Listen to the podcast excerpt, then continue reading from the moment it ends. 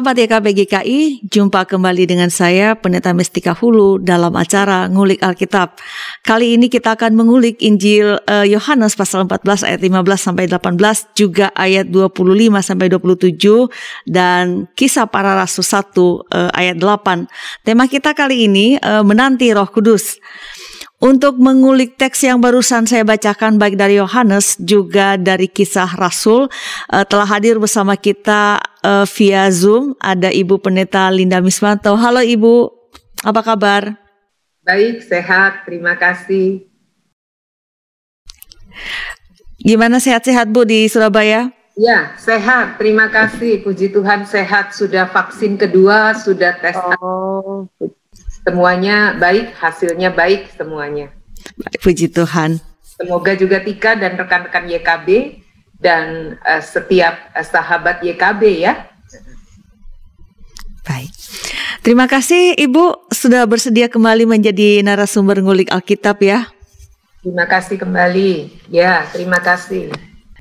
Baik, eh, sahabat eh, YKB GKI, eh, Ibu Pendeta Linda Mismanto melayani di basis pelayanan GKI Manyar, Surabaya. Eh, para sahabat, acara ngulik Alkitab diadakan uh, sebagai sarana bagi kita untuk belajar, kita mendalami kitab suci dan melihat uh, relevansinya dalam kehidupan kita sehari-hari. Dan untuk itu uh, dengan senang hati saya mengundang para sahabat untuk berinteraksi uh, melalui kolom komentar yang tersedia dengan memberikan uh, pertanyaan ataupun berkomentar di sana. Kita mulai ulikan kita menanti Roh Kudus dan kita buka dengan doa yang akan dipimpin oleh Ibu Pendeta Linda. Silakan Ibu. Ya, baik. Mari sahabat YKB, kita akan bersama-sama berdoa. Ya Tuhan, setiap hari, setiap tarikan nafas kami, kami percaya ini adalah anugerah Tuhan yang sangat berharga. Biarlah kami boleh senantiasa menghayati kehadiran Tuhan dalam hidup kami, sehingga hidup kami menjadi seperti yang Tuhan mau, yang Tuhan kehendaki. Bimbinglah kami Tuhan untuk mengerti kebenaran firman Tuhan. Dalam nama Tuhan Yesus. Amin. Amin. Sahabat, saya akan membaca Yohanes pasal 14 ayat 15 sampai 18 dan ayat 25 sampai 27 juga kisah para rasul 1 ayat 8 yang menjadi teks yang kita ulik pada uh, kali ini. Yohanes pasal 14 ayat 15 sampai 18 dan 25 sampai 27 juga kisah rasul 1 ayat 8 para sahabat juga dengan Alkitab masing-masing tentu saja. Jikalau kamu mengasihi aku, kamu akan menuruti segala perintahku. Aku akan meminta kepada Bapa dan ia akan memberikan kepadamu seorang penolong yang lain supaya ia menyertai kamu selama-lamanya, yaitu roh kebenaran. Dunia tidak dapat menerima dia sebab dunia tidak melihat dia dan tidak mengenal dia. Tetapi kamu mengenal aku. Tapi kamu mengenal dia sebab ia menyertai kamu dan akan diam di dalam kamu. Aku tidak akan meninggalkan kamu sebagai yatim piatu aku datang kembali kepadamu. Kita lanjutkan pada Yohanes 14 ayat 25 sampai 27. Semuanya itu kukatakan kepadamu selagi aku berada bersama-sama dengan kamu. Tetapi penghibur, yaitu roh kudus yang akan diutus oleh Bapa dalam namaku, dialah yang akan mengajarkan segala sesuatu kepadamu dan akan mengingatkan kamu akan semua yang telah kukatakan kepadamu. Damai sejahteraku tinggalkan bagimu, damai sejahteraku kuberikan kepadamu, dan apa yang kuberikan tidak seperti yang diberikan oleh dunia kepadamu. Janganlah gelisah dan gentar hatimu. Kita lanjutkan dengan kisah Rasul 1 ayat 8. Tetapi kamu akan menerima kuasa kalau roh kudus turun ke atas kamu dan kamu akan menjadi saksiku di Yerusalem dan di seluruh Yudea dan Samaria dan sampai ke ujung bumi. Nah, Ibu, uh, kita mengulik eh, Yohanes uh, dan juga uh, kisah para rasul dan tema kita dari kedua uh, teks ini adalah menanti Roh Kudus. Kita mulai dari mana untuk bisa memahami penantian ini, Bu? Ya, baik Tika. Uh, sebelum kita uh, kita lebih lanjut, saya uh, pikir kita penting untuk uh, memahami uh, atau meluruskan kesalahpahaman yang sering terjadi mengenai Roh Kudus. Tidak seperti Bapa, Allah Bapa, kemudian Kristus yang nyata gitu ya, yang kita bisa mengerti dengan relatif lebih baik sehingga tidak terlalu terjadi kesalahpahaman setidaknya di zaman ini. Namun tentang Roh Kudus itu sering kali terjadi kesalahpahaman. Kesalahpahaman itu uh, memberikan dampak akhirnya sikap yang keliru terhadap Roh Kudus ini penting ya. Jadi kalau saya salah paham tentang Tika, misalnya saya beranggapan Tika ini sombong, ya, jahat atau apalah, maka saya tidak ingin mendekat. Kira-kira begitu kan? Uh, atau sebaliknya Tika memandang saya demikian, maka tidak ingin dekat. Kenapa? Karena apa? Cuma dia sombong kok, jahat dan sebagainya. Uh, salah paham terhadap seseorang membuat kita menjauh atau memberikan penghakiman atau tidak mau berurusan. Kira-kira begitu kan? Umumnya begitu. Nah, tentang Roh Kudus juga contoh uh, yang umum yang lazim atau sering terjadi salah paham tentang Roh Kudus apa? Misalnya begini. Ada sebagian orang beranggapan uh, bahwa Roh Kudus itu hanya ada pada kelompok atau gereja tertentu. Ya saya tidak sebut, sehingga muncul sebuah klaim atau sebuah pernyataan terhadap kelompok lain atau gereja lain. Ya, gereja dia mah nggak ada roh kudus gitu ya. Seolah-olah gereja aku aja yang ada roh kudusnya gitu ya. Ini sering kan kita dengar. Uh, atau roh kudus hanya ada pada orang-orang tertentu. Buktinya apa? ada kemampuan yang adikodrati atau supranatural, karunia yang super, supranatural, misalnya nih ngusir setan gitu ya, dan lain-lain. Lalu ada semacam kekaguman, lalu berkata, wah orang itu ada roh kudusnya ya. Ini loh pendeta yang ada roh kudusnya, seolah-olah yang lain menjadi tidak ada roh kudusnya. Kira-kira gitu. Nah ini umum terjadi, cukup cukup sering saya dengar ya pernyataan-pernyataan spontan dari eh, orang-orang uh, tertentu. Atau, nah ini juga uh, ada anggapan Roh Kudus dapat hadir jika manusia menghendaki dengan cara memohon secara serius. Secara serius itu saya beri kata kutip karena kadang-kadang itu terjadi dengan paksaan. Saya pernah hadir kebaktian seperti itu memang karena ingin mengerti, memahami apa yang terjadi. Jadi kebaktian-kebaktian tertentu yang seolah-olah memaksa, saya pakai bahasa itu mungkin orang-orang tertentu tidak suka ya. Uh, pokoknya nih Roh Kudusnya harus hadir karena apa yang dipikirkan Roh Kudus hadir mesti ada tanda atau fenomena tertentu. Saya pikir sahabat YKB pernah mendengar itu ya tanda atau fenomena tertentu sebagai bukti. Maka kalau belum, wah harus ayo, ayo terus, ayo terus gitu ya dalam kebaktian-kebaktian tertentu ya.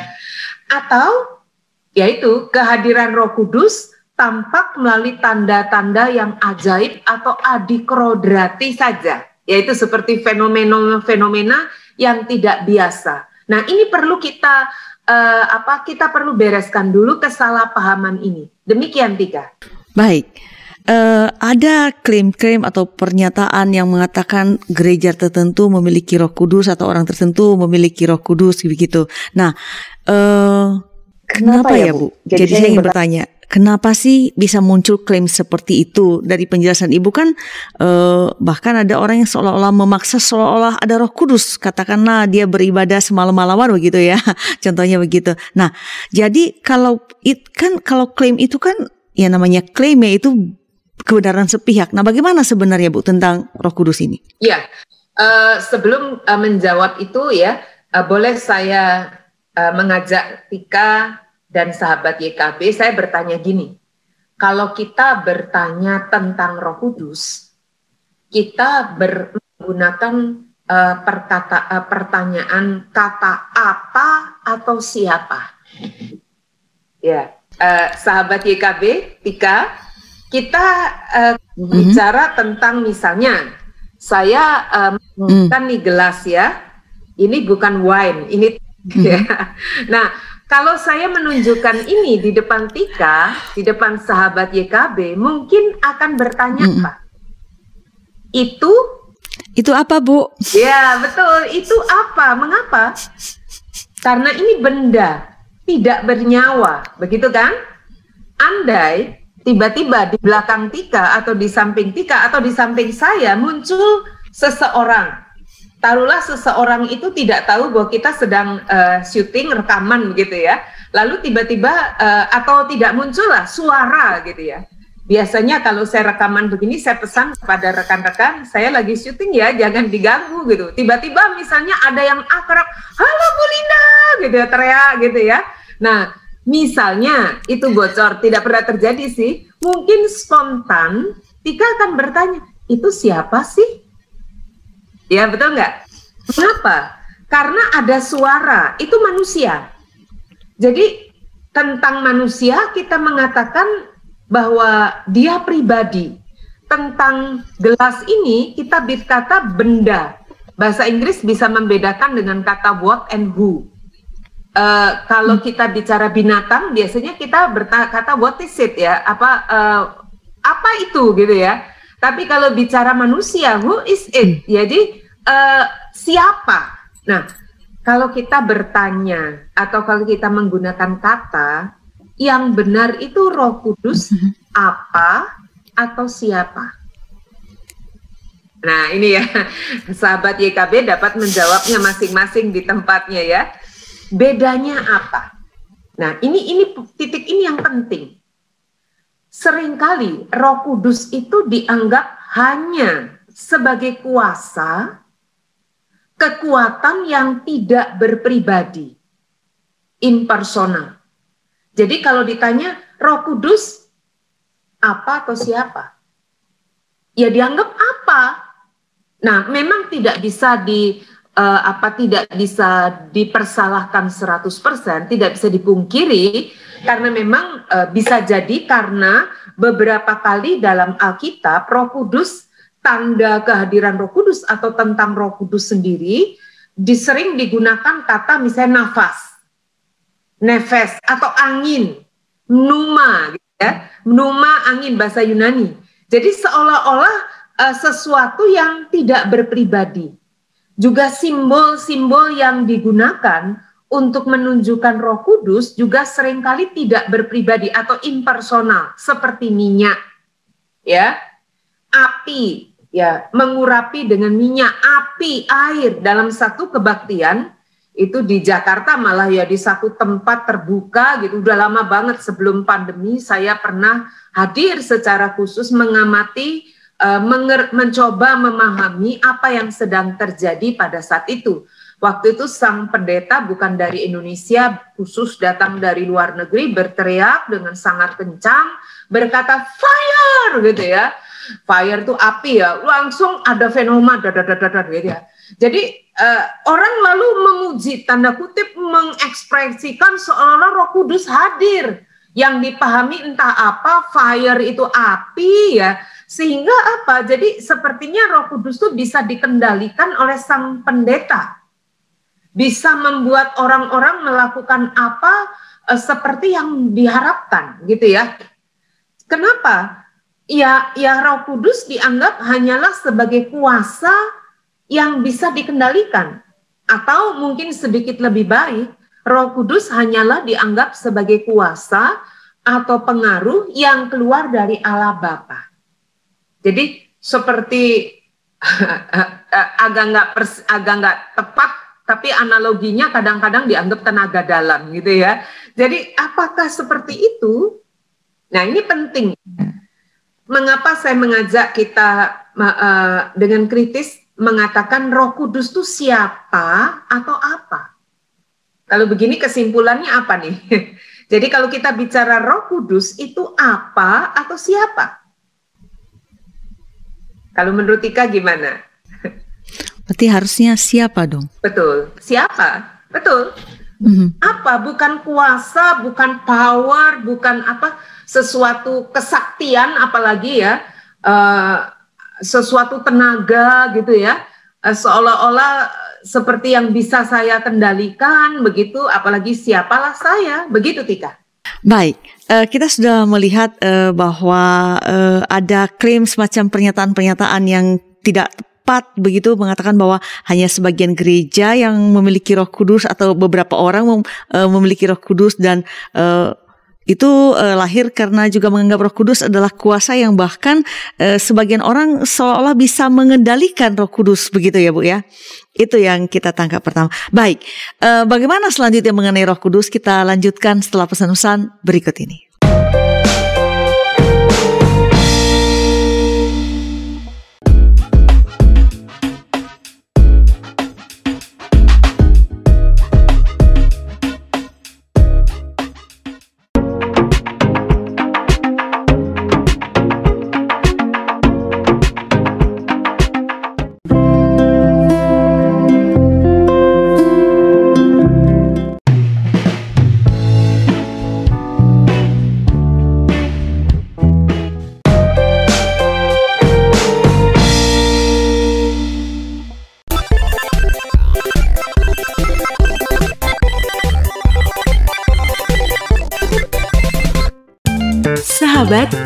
Mari dukung pelayanan dan pekabaran Injil melalui YKB dengan membagikan link acara ini kepada sebanyak mungkin orang. Dukungan juga dapat saudara lakukan dengan mentransfer dukungan finansial ke rekening BCA ke nomor 450 305 2990 450 305 2990 atas nama Yayasan Komunikasi Bersama. Thank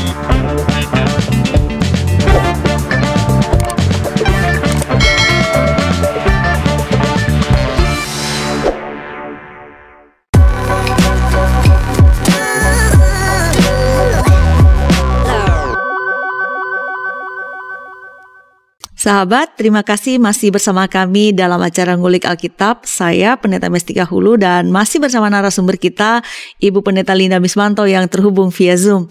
Saat ini kita sedang mengulik Yohanes pasal 14 ayat 15 sampai 18, uh, juga ayat 25 sampai 27 dan kisah para rasul 1 ayat 8. Tema kita menanti Roh Kudus. Para sahabat silakan jika ingin berinteraksi bersama kami melalui kolom komentar yang tersedia.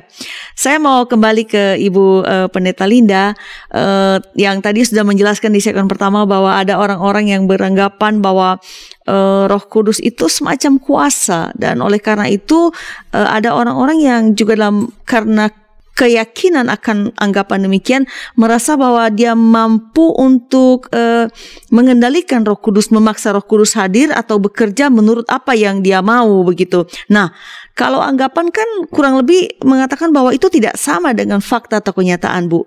Jadi bagaimana seharusnya kita memahami uh, melihat bagaimana Roh Kudus sehingga kita juga dapat menempatkan diri uh, dalam pemahaman yang benar dan relasi yang benar dengan Roh Kudus. Ya. Uh, betul Tika. Jadi kita bersyukur ya karena kita diajarkan untuk memahami Alkitab secara utuh, ya, memahami kanon Alkitab secara utuh. Jadi tidak hanya mengambil sepotong satu ayat atau bahkan satu kata, lalu mengeksplorasi tanpa memahami konteks, tanpa memahaminya secara utuh. Nah, uh, hal yang harus kita uh, harus kita ketahui adalah banyak sekali bagian dalam kitab suci atau Alkitab kita menunjukkan bahwa Roh Kudus itu adalah pribadi Allah. Sebagai contoh, dalam 1 Korintus 2 ayat 10 dikatakan bahwa roh itu menyelidiki segala sesuatu. Ya, kata menyelidiki itu menunjukkan aktif, aktivitas apa? Akal budi kan? Sesuatu yang melibatkan pikiran, menyelidiki. Lalu yang tadi kita baca, Yohanes 14 ayat 26, dikatakan ingat, dialah yang, ini kata Tuhan Yesus, yang akan jalani roh kudus, dialah yang akan mengajarkan segala sesuatu kepadamu dan akan mengingatkan kamu akan semua yang telah kukatakan kepadamu. Di sini tampak Roh Kudus itu secara aktif dia bukan pasif, tapi nyata hadir dan di situ tampak bahwa ia memiliki pikiran sebagai mana pribadi pada umumnya. Namun dia bukan sekedar pribadi seperti kita, dia adalah pribadi Allah. Dia menyelidiki, dia mengajar, dia mengingatkan, dan bukan hanya itu. Bolehkah Tika membaca Efesus 4 ayat 30? Efesus 4 ayat 30 baik Ibu. Baik, saya akan membaca Efesus 4 ayat 30 dan janganlah kamu mendukakan roh kudus Allah yang telah memeteraikan kamu menjelang hari penyelamatan. Ya, mendukakan itu melibatkan apa? Kalau ada orang bisa berduka berarti apa? Itu perasaan bukan? Ya, perasaan. Dan ini menarik ya, apalagi di zaman itu ada semacam anggapan karena memang tidak tidak lepas dari filsafat Plato uh, yang menganggap bahwa materi itu jahat, tubuh itu sesuatu yang uh, atau materi ya, sesuatu yang uh, jasmania itu sesuatu yang rendah, yang roh, yang pikiran itu sesuatu yang tinggi sehingga mereka membayangkan yang namanya Allah pribadi yang tak mungkin bersentuhan dengan kehidupan manusia secara manusia, secara jasmania. Maka mereka sulit menerima bahwa Yesus misalnya memiliki tubuh jasmania. Nah, ini ini melahirkan ajaran-ajaran yang sesat ya. Tapi yang menarik di sini uh, dalam uh, apa implikasi atau uh, dari ajaran seperti ini lahirlah sebuah pemahaman yang namanya Allah itu apatea. Apatea itu artinya tidak punya perasaan. Jadi karena Allah terlalu kudus, terlalu uh, terlalu mulia, nggak mungkin lah punya perasaan kira-kira gitu. Namun di sini digambarkan uh, Roh Kudus bisa loh didukakan ketika kita tidak tidak apa tidak mentaati dia, ketika kita tidak menuruti dia, tidak mempercayai dia, dikatakan jangan kamu mendukakan ini Rasul Paulus memberi nasihat. Jadi ia memiliki perasaan. Dan bukan hanya itu, secara nyata kita mengetahui bahwa contoh nih ya, bolehkah Tika membaca kembali uh, satu bagian kali ini dari 1 Korintus 12 ayat 11. Baik. 1 Korintus pasal 12 ayat 11 tetapi semuanya ini dikerjakan oleh roh yang satu dan yang sama, yang memberikan karunia kepada tiap-tiap orang secara khusus seperti yang dikehendakinya. Ya, sangat jelas di sini ya. Roh memberikan karunia kepada tiap-tiap orang secara khusus seperti yang dikehendakinya. Kita perlu tahu latar belakang pada saat itu. Rasul Paulus menulis surat kepada jemaat di Korintus, memberikan nasihat kepada mereka. Mengapa? karena mereka saling mengunggulkan karunia-karunianya. Jadi mereka bertengkar ribut dan meninggikan diri karena karunia-karunia yang dimiliki. Seolah-olah ada karunia kelas satu gitu ya. Karunia kelas satu dan KW2 gitu yang ya kamu apalah gitu ya. Dari situ Paulus mengingatkan, lawang ini kalau pakai bahasa kita zaman ini, lah semua itu loh dikerjakan oleh roh yang satu dan roh yang sama. Kenapa kamu ribut? Gitu. Itu pun roh yang memberikan kepada karu, eh, kepada kamu karunia tiap-tiap orang secara khusus lalu digarisbawahi seperti yang dikehendakinya. Kita semua menerima karunia berdasarkan kehendak Allah, kehendak roh itu. Jadi apa apa pentingnya kita mengunggulkan diri? Kamu mengunggulkan diri. Kira-kira Paulus mau mengatakan itu. Wong kita ini menerima juga karena roh yang satu dan sesuai kehendak dia. Kita nggak bisa mengatur roh memberikan sesuai kehendak kita. Kira-kira gitu ya. Jadi roh kudus jelas memiliki kehendak. Dalam kisah Rasul banyak sekali ditunjukkan ya. Misalnya satu saat roh memimpin Filipus. Lalu berkata apa? Pergilah ke situ, dekatilah kereta itu. Yang dimaksud adalah Filipus diminta mendekati sida-sida di Ethiopia. Ini dicatat dalam kisah Rasul 8 ayat 2. Jadi Filipus ya sudah mentaati karena Roh Kudus yang berkehendak. Di bagian lain dikatakan Roh Kudus mencegah mereka masuk ke Asia. Lalu ini menjadi awal Paulus dan uh, teman-temannya masuk ke kota Filipi. Kita tahu itu ya. Kisah Rasul 16. Kenapa dikatakan roh Yesus atau roh kudus tidak mengizinkan mereka masuk ke Asia? Jadi secara nyata tampak bahwa roh kudus punya kehendak dan dia memimpin dan murid-murid mentaati. Ini penting. Jadi roh kudus tidak pasif, tetapi dia aktif memiliki akal, memiliki perasaan, memiliki kehendak, dan murid-murid juga mentaati Roh Kudus itu. Nah, ini menarik, Tika. Demikian. Baik, uh, Roh Kudus ini bukan sekadar kuasa saja, tetapi dia adalah pribadi dan bukan sekadar pribadi juga dia pribadi Allah yang memiliki uh, pikiran uh, kemudian dia juga memiliki perasaan uh, di di sehingga ada ungkapan jangan menukakan Roh Kudus dan kemudian bahwa dia juga memiliki kehendak dia bisa uh, mendorong uh, umat Tuhan melakukan sesuatu atau melarang melakukan sesuatu. Nah, uh, Roh Kudus adalah pribadi Allah Lalu apa konsekuensi atau apa implikasinya ketika kita mengenal bahwa Roh Kudus ini adalah pribadi uh, pribadi Allah? Apa yang perlu kita lakukan? Apa sikap apa yang perlu muncul pada kita, Bu? Betul, betul. Ini penting Tika ya. Jadi uh, di depan saya katakan kita belajar untuk mengerti dia adalah pribadi Allah, bukan sekedar kuasa objek yang bisa kita perlakukan semau-mau kita. Karena dia adalah pribadi Allah, maka apa?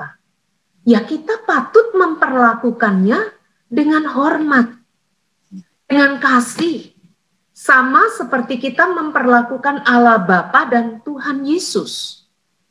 Yesus saja sebelum naik ke surga memberikan amanat agung atau perintah pada murid-muridnya.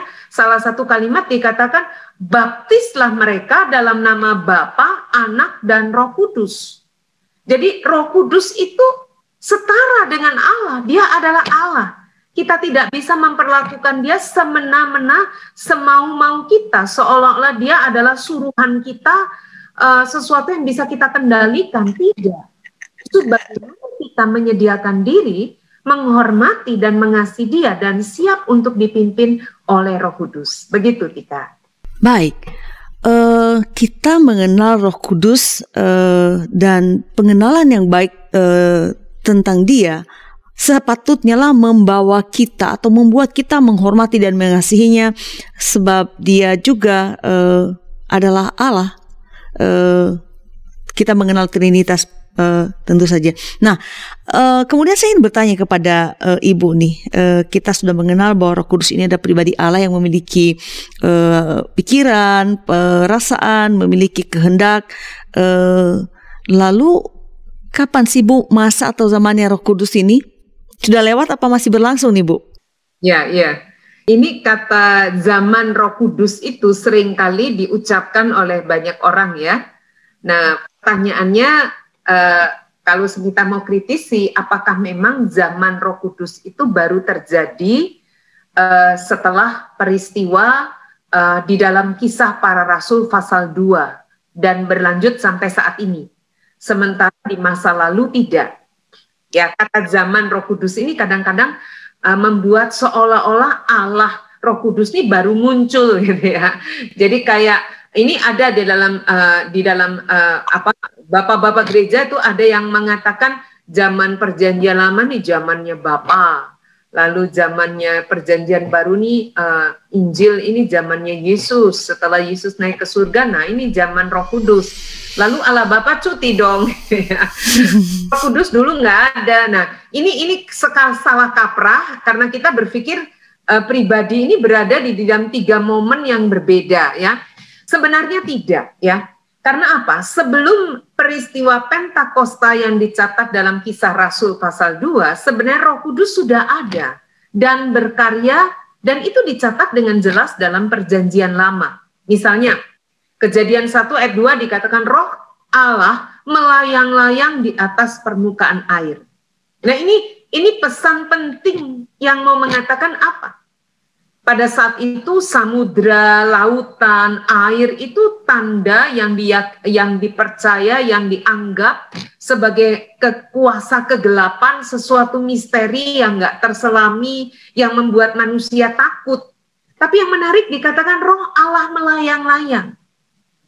Sebenarnya kejadian satu ini seperti sebuah kitab liturgis mau mengatakan apa? Nggak usah takut, roh kudus ada Roh Allah ada di atasnya. Roh Allah ada di tengah kegelapan. Dia menguasai kegelapan. Lalu jadilah terang, dikatakan gitu ya. Jadi Roh Kudus ada dalam penciptaan. Dia menciptakan. Lalu bukan hanya itu, dia berkarya secara sinambung dalam sebagai pemelihara hidup manusia. Setidaknya dalam kejadian 6 ayat 3 dikatakan, Roh Allah, uh, Tuhan mengatakan, rohku tidak akan selama-lamanya ada dalam manusia. Jadi uh, ketika itu uh, konteksnya adalah ketika kejahatan manusia semakin bertambah sebelum kemudian penghukuman air bah. Dari sini kita bisa tahu selama ini yang memelihara hidup manusia dan bumi ini siapa? Ada roh Allah. Lalu di catatan lain dikatakan, nah ini menarik ya, di Keluaran 35. Bolehkah uh, Tika membaca ini? Keluaran 35 ayat 30 sampai ayat 33.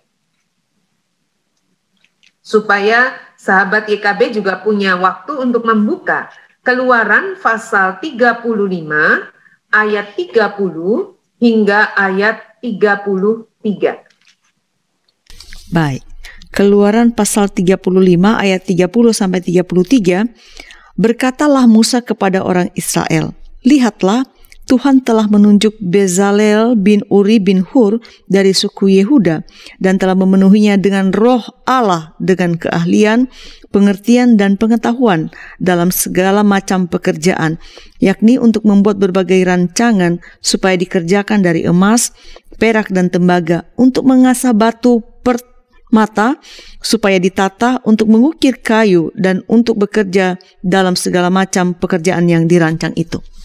Ya, ini menarik ya. Di sini uh, bahkan ya, ini kadang-kadang kita menganggap bahwa yang namanya karunia Roh Kudus itu sesuatu yang supranatural. Di sini dikatakan Bizail bin Uri bin Hur membuat kerajinan dari emas, perak, tembaga, batu permata dan itu dihayati sebagai roh Allah yang memberikan karunia itu. Roh Kudus yang memberi. Dan masih banyak lagi fungsi-fungsi kepemimpinan dalam diri para hakim itu juga ada. Disebut otniel. Dipimpin oleh Roh Kudus. Pada zaman itu tidak ada raja, hakimlah yang menjadi pemimpin yang dipilih oleh Tuhan. Lalu Saul sendiri dikatakan diurapi atau dipimpin Roh Kudus. Daud juga dikatakan ada Roh Kudus dalam dirinya.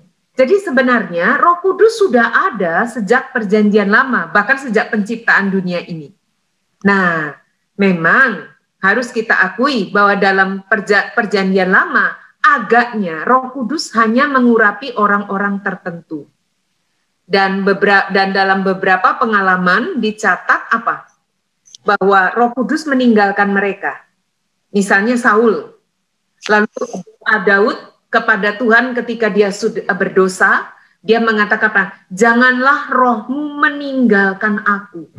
Rupanya dia uh, tahu gitu ya, dia belajar dari pengalaman Saul karena tidak taat maka roh Allah meninggalkan Saul, maka dia tidak ingin karena dosanya roh Allah meninggalkan dia. Nah, ini menarik. Cuman memang pengalaman dalam kisah para rasul pasal 2 yang dicatat membukakan satu dimensi yang baru. Bolehkah dibacakan kisah 2 ayat 17 dan 18? Ini biasa teks ini akan kita baca pada perayaan Pentakosta. Tahun ini kita rayakan pada tanggal 23 ya, 23 Mei ya. Kisah 2 ayat 17 sampai ayat 18. Bolehkah Tika membaca buat kita bersama Yahabat IKB? Baik. Uh, kisah para Rasul 2 ayat 17 dan 18 akan terjadi pada hari-hari terakhir. Demikianlah firman Allah, bahwa aku akan mencurahkan rohku ke atas semua manusia, maka anak-anakmu laki-laki dan perempuan akan bernubuat, dan teruna-terunamu akan mendapat penglihatan-penglihatan, dan orang-orangmu yang tua akan mendapat mimpi. Juga ke atas hamba-hambaku laki-laki dan perempuan akan kucurahkan rohku pada hari-hari itu, dan mereka akan bernubuat. Ya, ini merupakan kutipan dari apa yang ditulis dalam Yoel pasal 2 ayat 28 sampai 32. Ini khotbah Petrus ya. Petrus mengatakan Nilo, apa yang sudah dinubuatkan sedang terjadi. Dikatakan roh Tuhan akan diucurakan atas semua manusia. Dikatakan anakmu laki-laki dan perempuan akan bernubuat teruna-teruna, orang-orang tua dan uh, muda hamba laki-laki dan perempuan. Seolah-olah Pak Petrus mau menegaskan apa? Bahwa Roh Kudus bekerja tanpa batas. Kalau dalam perjanjian lama agaknya Roh Kudus hanya menguasai orang-orang tertentu yang dipilih. Ya tentu itu di dalam kasih karunia-Nya sama halnya, tapi kali ini kasih karunia-Nya dicurahkan begitu rupa bagi semua orang. Roh Kudus berkarya tanpa batas. Paling tidak itu dicatat dalam kisah Rasul misalnya apa? Kisah 8 misalnya, Roh Kudus dicurahkan atau Roh Kudus memenuhi orang-orang Samaria. Ini menarik. Padahal orang Yahudi memandang rendah orang Samaria, bukan? Bukan hanya itu.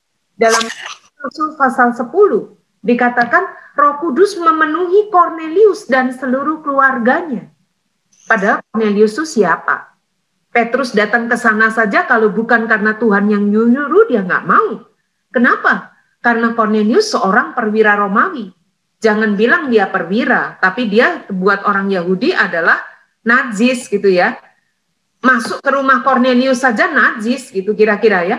Nah, orang yang dianggap najis ini yang bukan umat pilihan menurut versi uh, keturunan Abraham itu Roh Kudus loh. Berkarya tanpa batas sampai mereka tercengang katanya orang-orang yang bersunat bilang, kalau begini Bolehkah kita eh, kita menghalangi kalau kita membaptis mereka? Nah, ini yang luar biasa. Roh Kudus berkarya tanpa batas. Ini yang luar biasa yang patut kita syukuri. Begitu, Tika.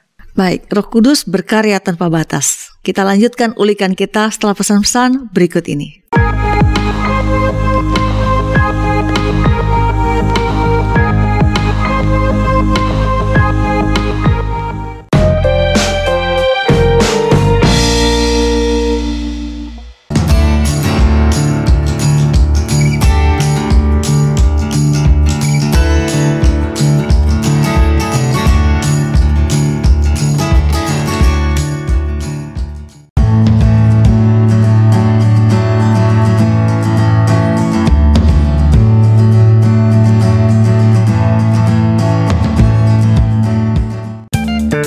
Sahabat, mari dukung pelayanan dan pekabaran Injil melalui YKB dengan membagikan link acara ini kepada sebanyak mungkin orang. Dukungan juga dapat saudara lakukan dengan mentransfer dukungan finansial ke rekening BCA ke nomor 450 305 2990 450 305 2990 atas nama Yayasan Komunikasi Bersama. Thank you.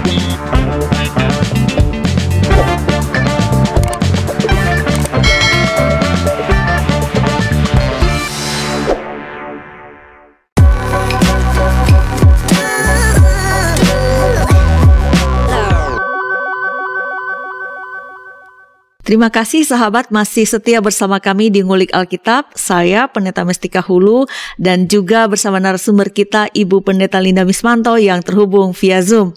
Kita mengulik Yohanes pasal 14 ayat 15 sampai 18 lalu ayat 25 sampai 27 juga kisah Rasul 1 ayat 8 dan tema kita menanti Roh Kudus.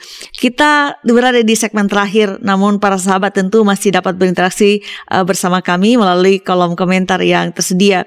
Saya langsung balik ke Ibu uh, Pendeta Linda memanfaatkan satu segmen terakhir ini yang sangat berharga ini. Ibu tadi sudah menjelaskan bahwa Roh Kudus itu hadir dan bekerja di dalam zaman PL Perjanjian Lama uh, terus uh, hingga ke zaman perjanjian baru. Kemudian saya akan meyakini juga bahwa Tuhan atau Roh Kudus terus bekerja sampai dengan hari ini saat kita juga sedang mengulik Alkitab ini. Nah, artinya uh, Roh Kudus itu kan selalu hadir, tidak pernah absen dalam sejarah dunia ini begitu kan. Nah, tetapi uh, tema kita diangkat dari teks ini baik Yohanes 14 dan kisah Rasul 1 ayat 8 eh, mengatakan bahwa menanti Roh Kudus.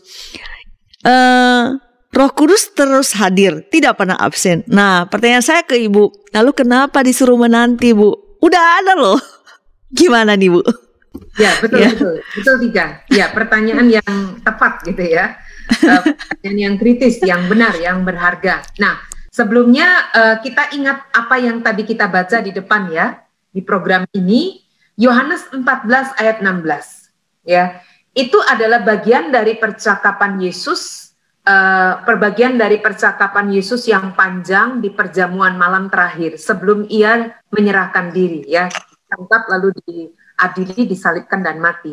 Dan secara fisik Yesus tahu bahwa ia tidak akan bersama-sama dengan murid-muridnya selama-lamanya ia akan meninggalkan mereka. Maka percakapan itu menjadi seperti percakapan perpisahan. Nah ini menarik, lalu di Yohanes 14 ayat 16, kita ulang baca lagi ya, dikatakan, Aku, Tuhan Yesus bilang, Aku akan minta kepada Bapa. Dan ia, Bapa ya, akan memberikan kepadamu, murid-murid ya, seorang penolong yang lain. Supaya ia, kali ini ia ini siapa? Si Kudus. yang lain itu menyertai kamu selama-lamanya. Ya, jadi ini menarik. Yesus menggunakan meng, menggunakan kata penolong yang lain. Kata penolong bahasa aslinya adalah parakletos. Kalau kita mau pisahkan, dia berasal dari dua kata para, artinya di samping. Para ya, para para para church, para norma, para di samping kletos itu dari bahasa kata dasar Yunani kaleo. Kaleo itu apa? Kaleo itu dipanggil. Jadi sebenarnya kata parakletos artinya orang yang dipanggil untuk berada di samping. Dan sebenarnya itu kata yang sangat lazim dan dimengerti dengan baik oleh murid-murid pada masa itu. Jadi kata yang apa? Yang yang biasa digunakan. Misalnya saya memperkenalkan Tika pada seorang yang lain, uh, orang-orang lain ini loh, uh, pendeta Mistika Hulu, para kletos saya. Nah, ketika saya mengatakan demikian, saya bisa membayangkan orang-orang memandang pendeta Mistika akan merasa apa? Uh, para kletos ya, para kletos ada. Berarti apa? Berarti saya percaya dengan Tika. Saya percaya kepada Tika. Tika memenuhi kualifikasi untuk menolong saya yang kalau diterjemahkan biasanya yang seperti ini dianggap sebagai penasehat ya. Nah mungkin kalau zaman ini tidak tepat tapi uh, agak mirip tidak persis sama itu seperti penasehat hukum. Kalau misalnya kita berperkara hukum dan kita punya uang kita dipanggil oleh polisi atau bertemu dengan orang sebentar saya akan mengajak penasehat hukum saya. Maka saya akan meminta penasehat apa nasihat dari orang yang berada di samping saya. Bahkan menjawab pertanyaan pun saya akan meminta pendapat yang di samping saya. Paham ya? Kira-kira begitu. Yang kalau profesi. Zaman dulu orang-orang bijaksana, orang-orang yang kita percaya, kita bisa bilang dia adalah penolong atau parakletos. Jadi bukan sekedar penolong, tolong ya dia bagian angkat-angkat enggak.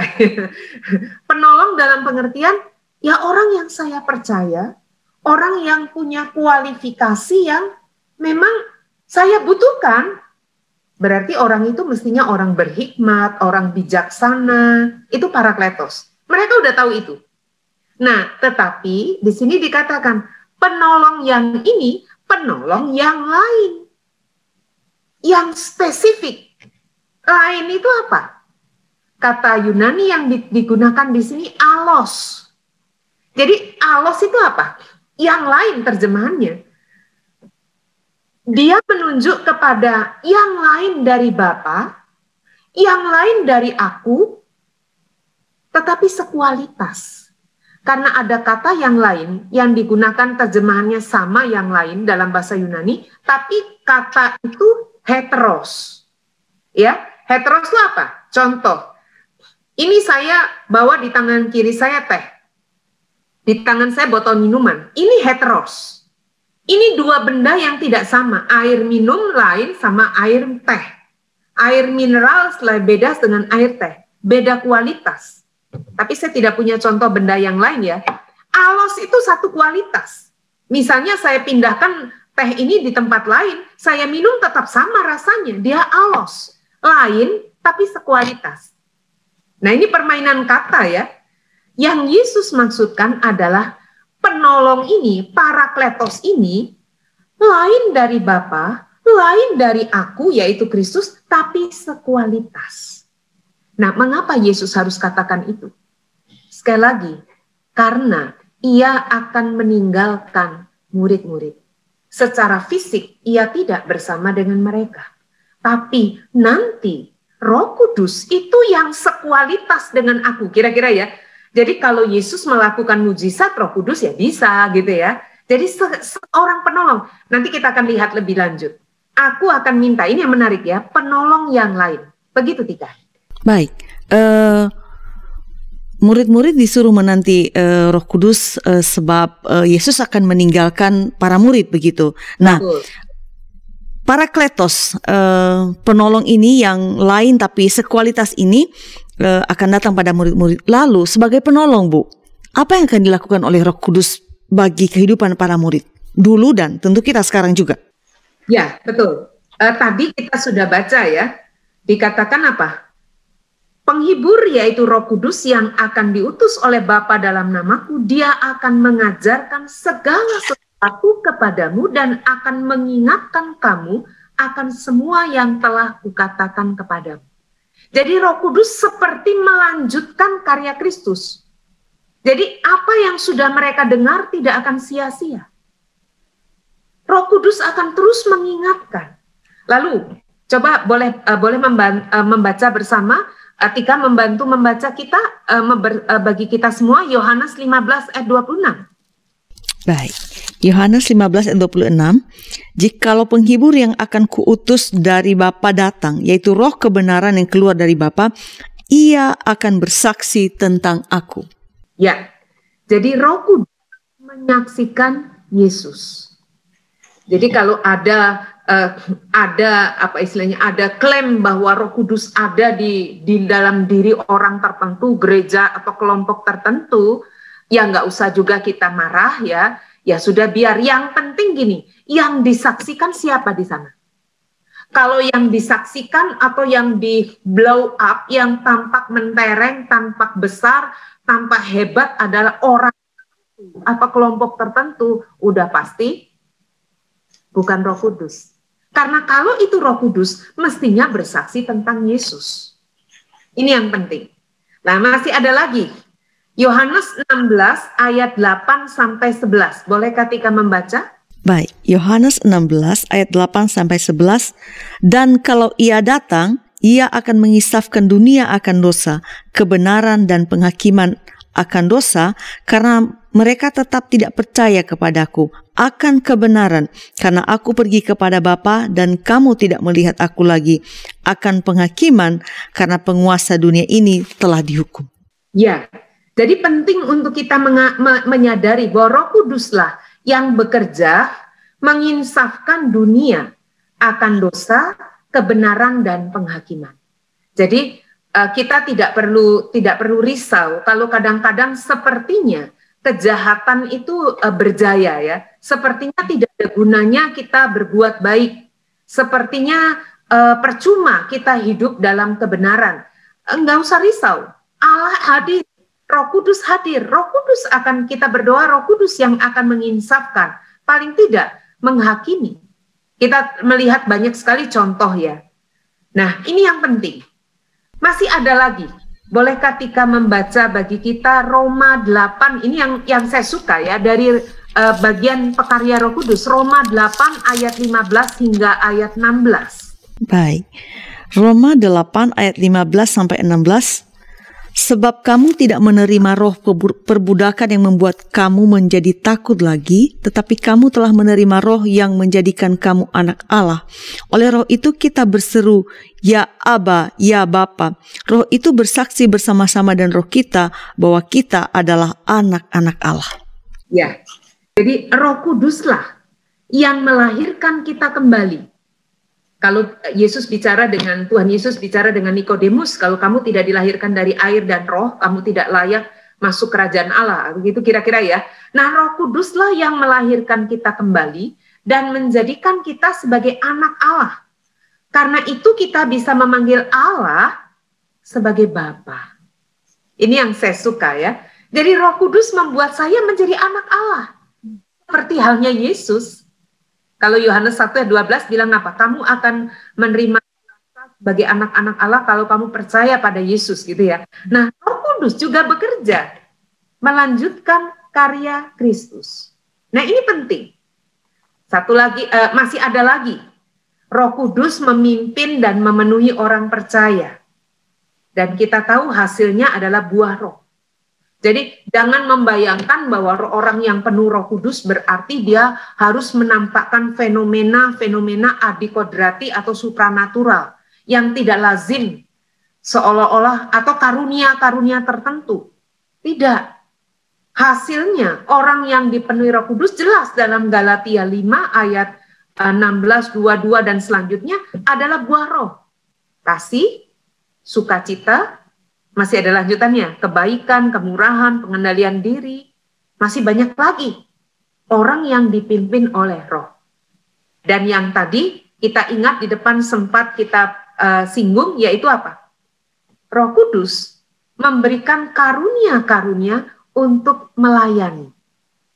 Ingat dikatakan roh yang satu memberikan iya. karunia Coba bolehkah Tika membacakan bagi kita 1 Korintus 12 ayat 4 sampai ayat 11? 1 Korintus hmm, 12 ayat ya. 4 sampai ayat 11. Baik. 1 Korintus 12 ayat 4 sampai 11 ada rupa-rupa karunia tetapi satu roh dan ada rupa-rupa pelayanan tetapi satu Tuhan. Dan ada berbagai-bagai perbuatan ajaib tetapi Allah adalah satu yang mengerjakan semuanya dalam semua orang tetapi kepada tiap-tiap orang dikaruniakan penyataan roh untuk kepentingan bersama. Sebab kepada yang seorang roh memberikan karunia untuk berkata-kata dan hikmat. Dan kepada yang lain roh yang sama memberikan karunia berkata-kata dan pengetahuan. Kepada yang seorang roh yang sama memberikan iman, dan kepada yang lain ia memberikan karunia untuk menyembuhkan. Kepada yang seorang, roh memberikan kuasa untuk mengadakan mujizat, dan kepada yang lain ia memberikan karunia untuk bernubuat, dan kepada yang lain lagi ia memberikan karunia untuk membedakan bermacam-macam roh kepada yang seorang ia memberikan karunia untuk berkata-kata dengan bahasa roh dan kepada yang lain ia memberikan karunia untuk menafsirkan bahasa roh itu. Tetapi semuanya ini dikerjakan oleh roh yang satu dan yang sama yang memberikan karunia kepada tiap-tiap orang secara khusus seperti yang dikehendakinya. Ya, tadi kita baca ya. Semua diberikan karunia secara khusus seperti yang dikehendakinya. Roh memberikan karunia-karunia yang indah untuk kita saling melayani. Kalau dilanjutkan lebih jauh, dikatakan judul perikop yang diberikan LAI, banyak anggota tapi satu tubuh. Jadi bagaimana masing-masing memainkan peran seperti tubuh kita. Sebagai satu tubuh Kristus, masing-masing punya fungsi yang tidak sama, tidak soal. Tapi bagaimana saling melengkapi. Dan itu hanya mungkin karena dikerjakan oleh roh yang satu, yaitu roh Allah. Roh Kudus. Begitu Tika. Baik, Ibu kita berada di uh, penghujung ngulik Alkitab ini. Kita sudah uh, belajar barusan mendengarkan penjelasan Ibu barusan bahwa uh, Roh Kudus ini uh, adalah uh, pribadi Allah.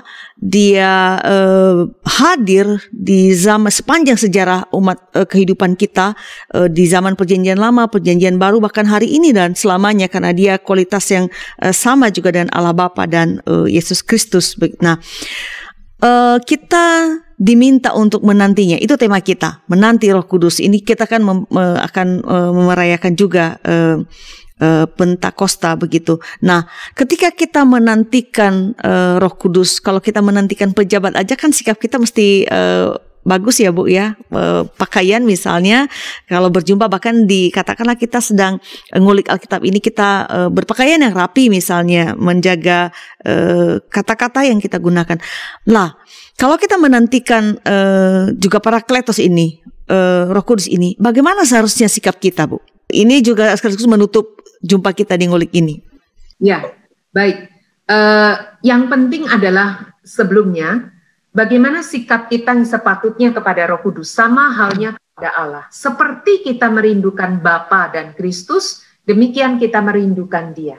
Seperti kita mengasihi dan mentaati Kristus dan Bapa, mestinya demikian kita mentaati Roh Kudus. Nah, dengan cara apa?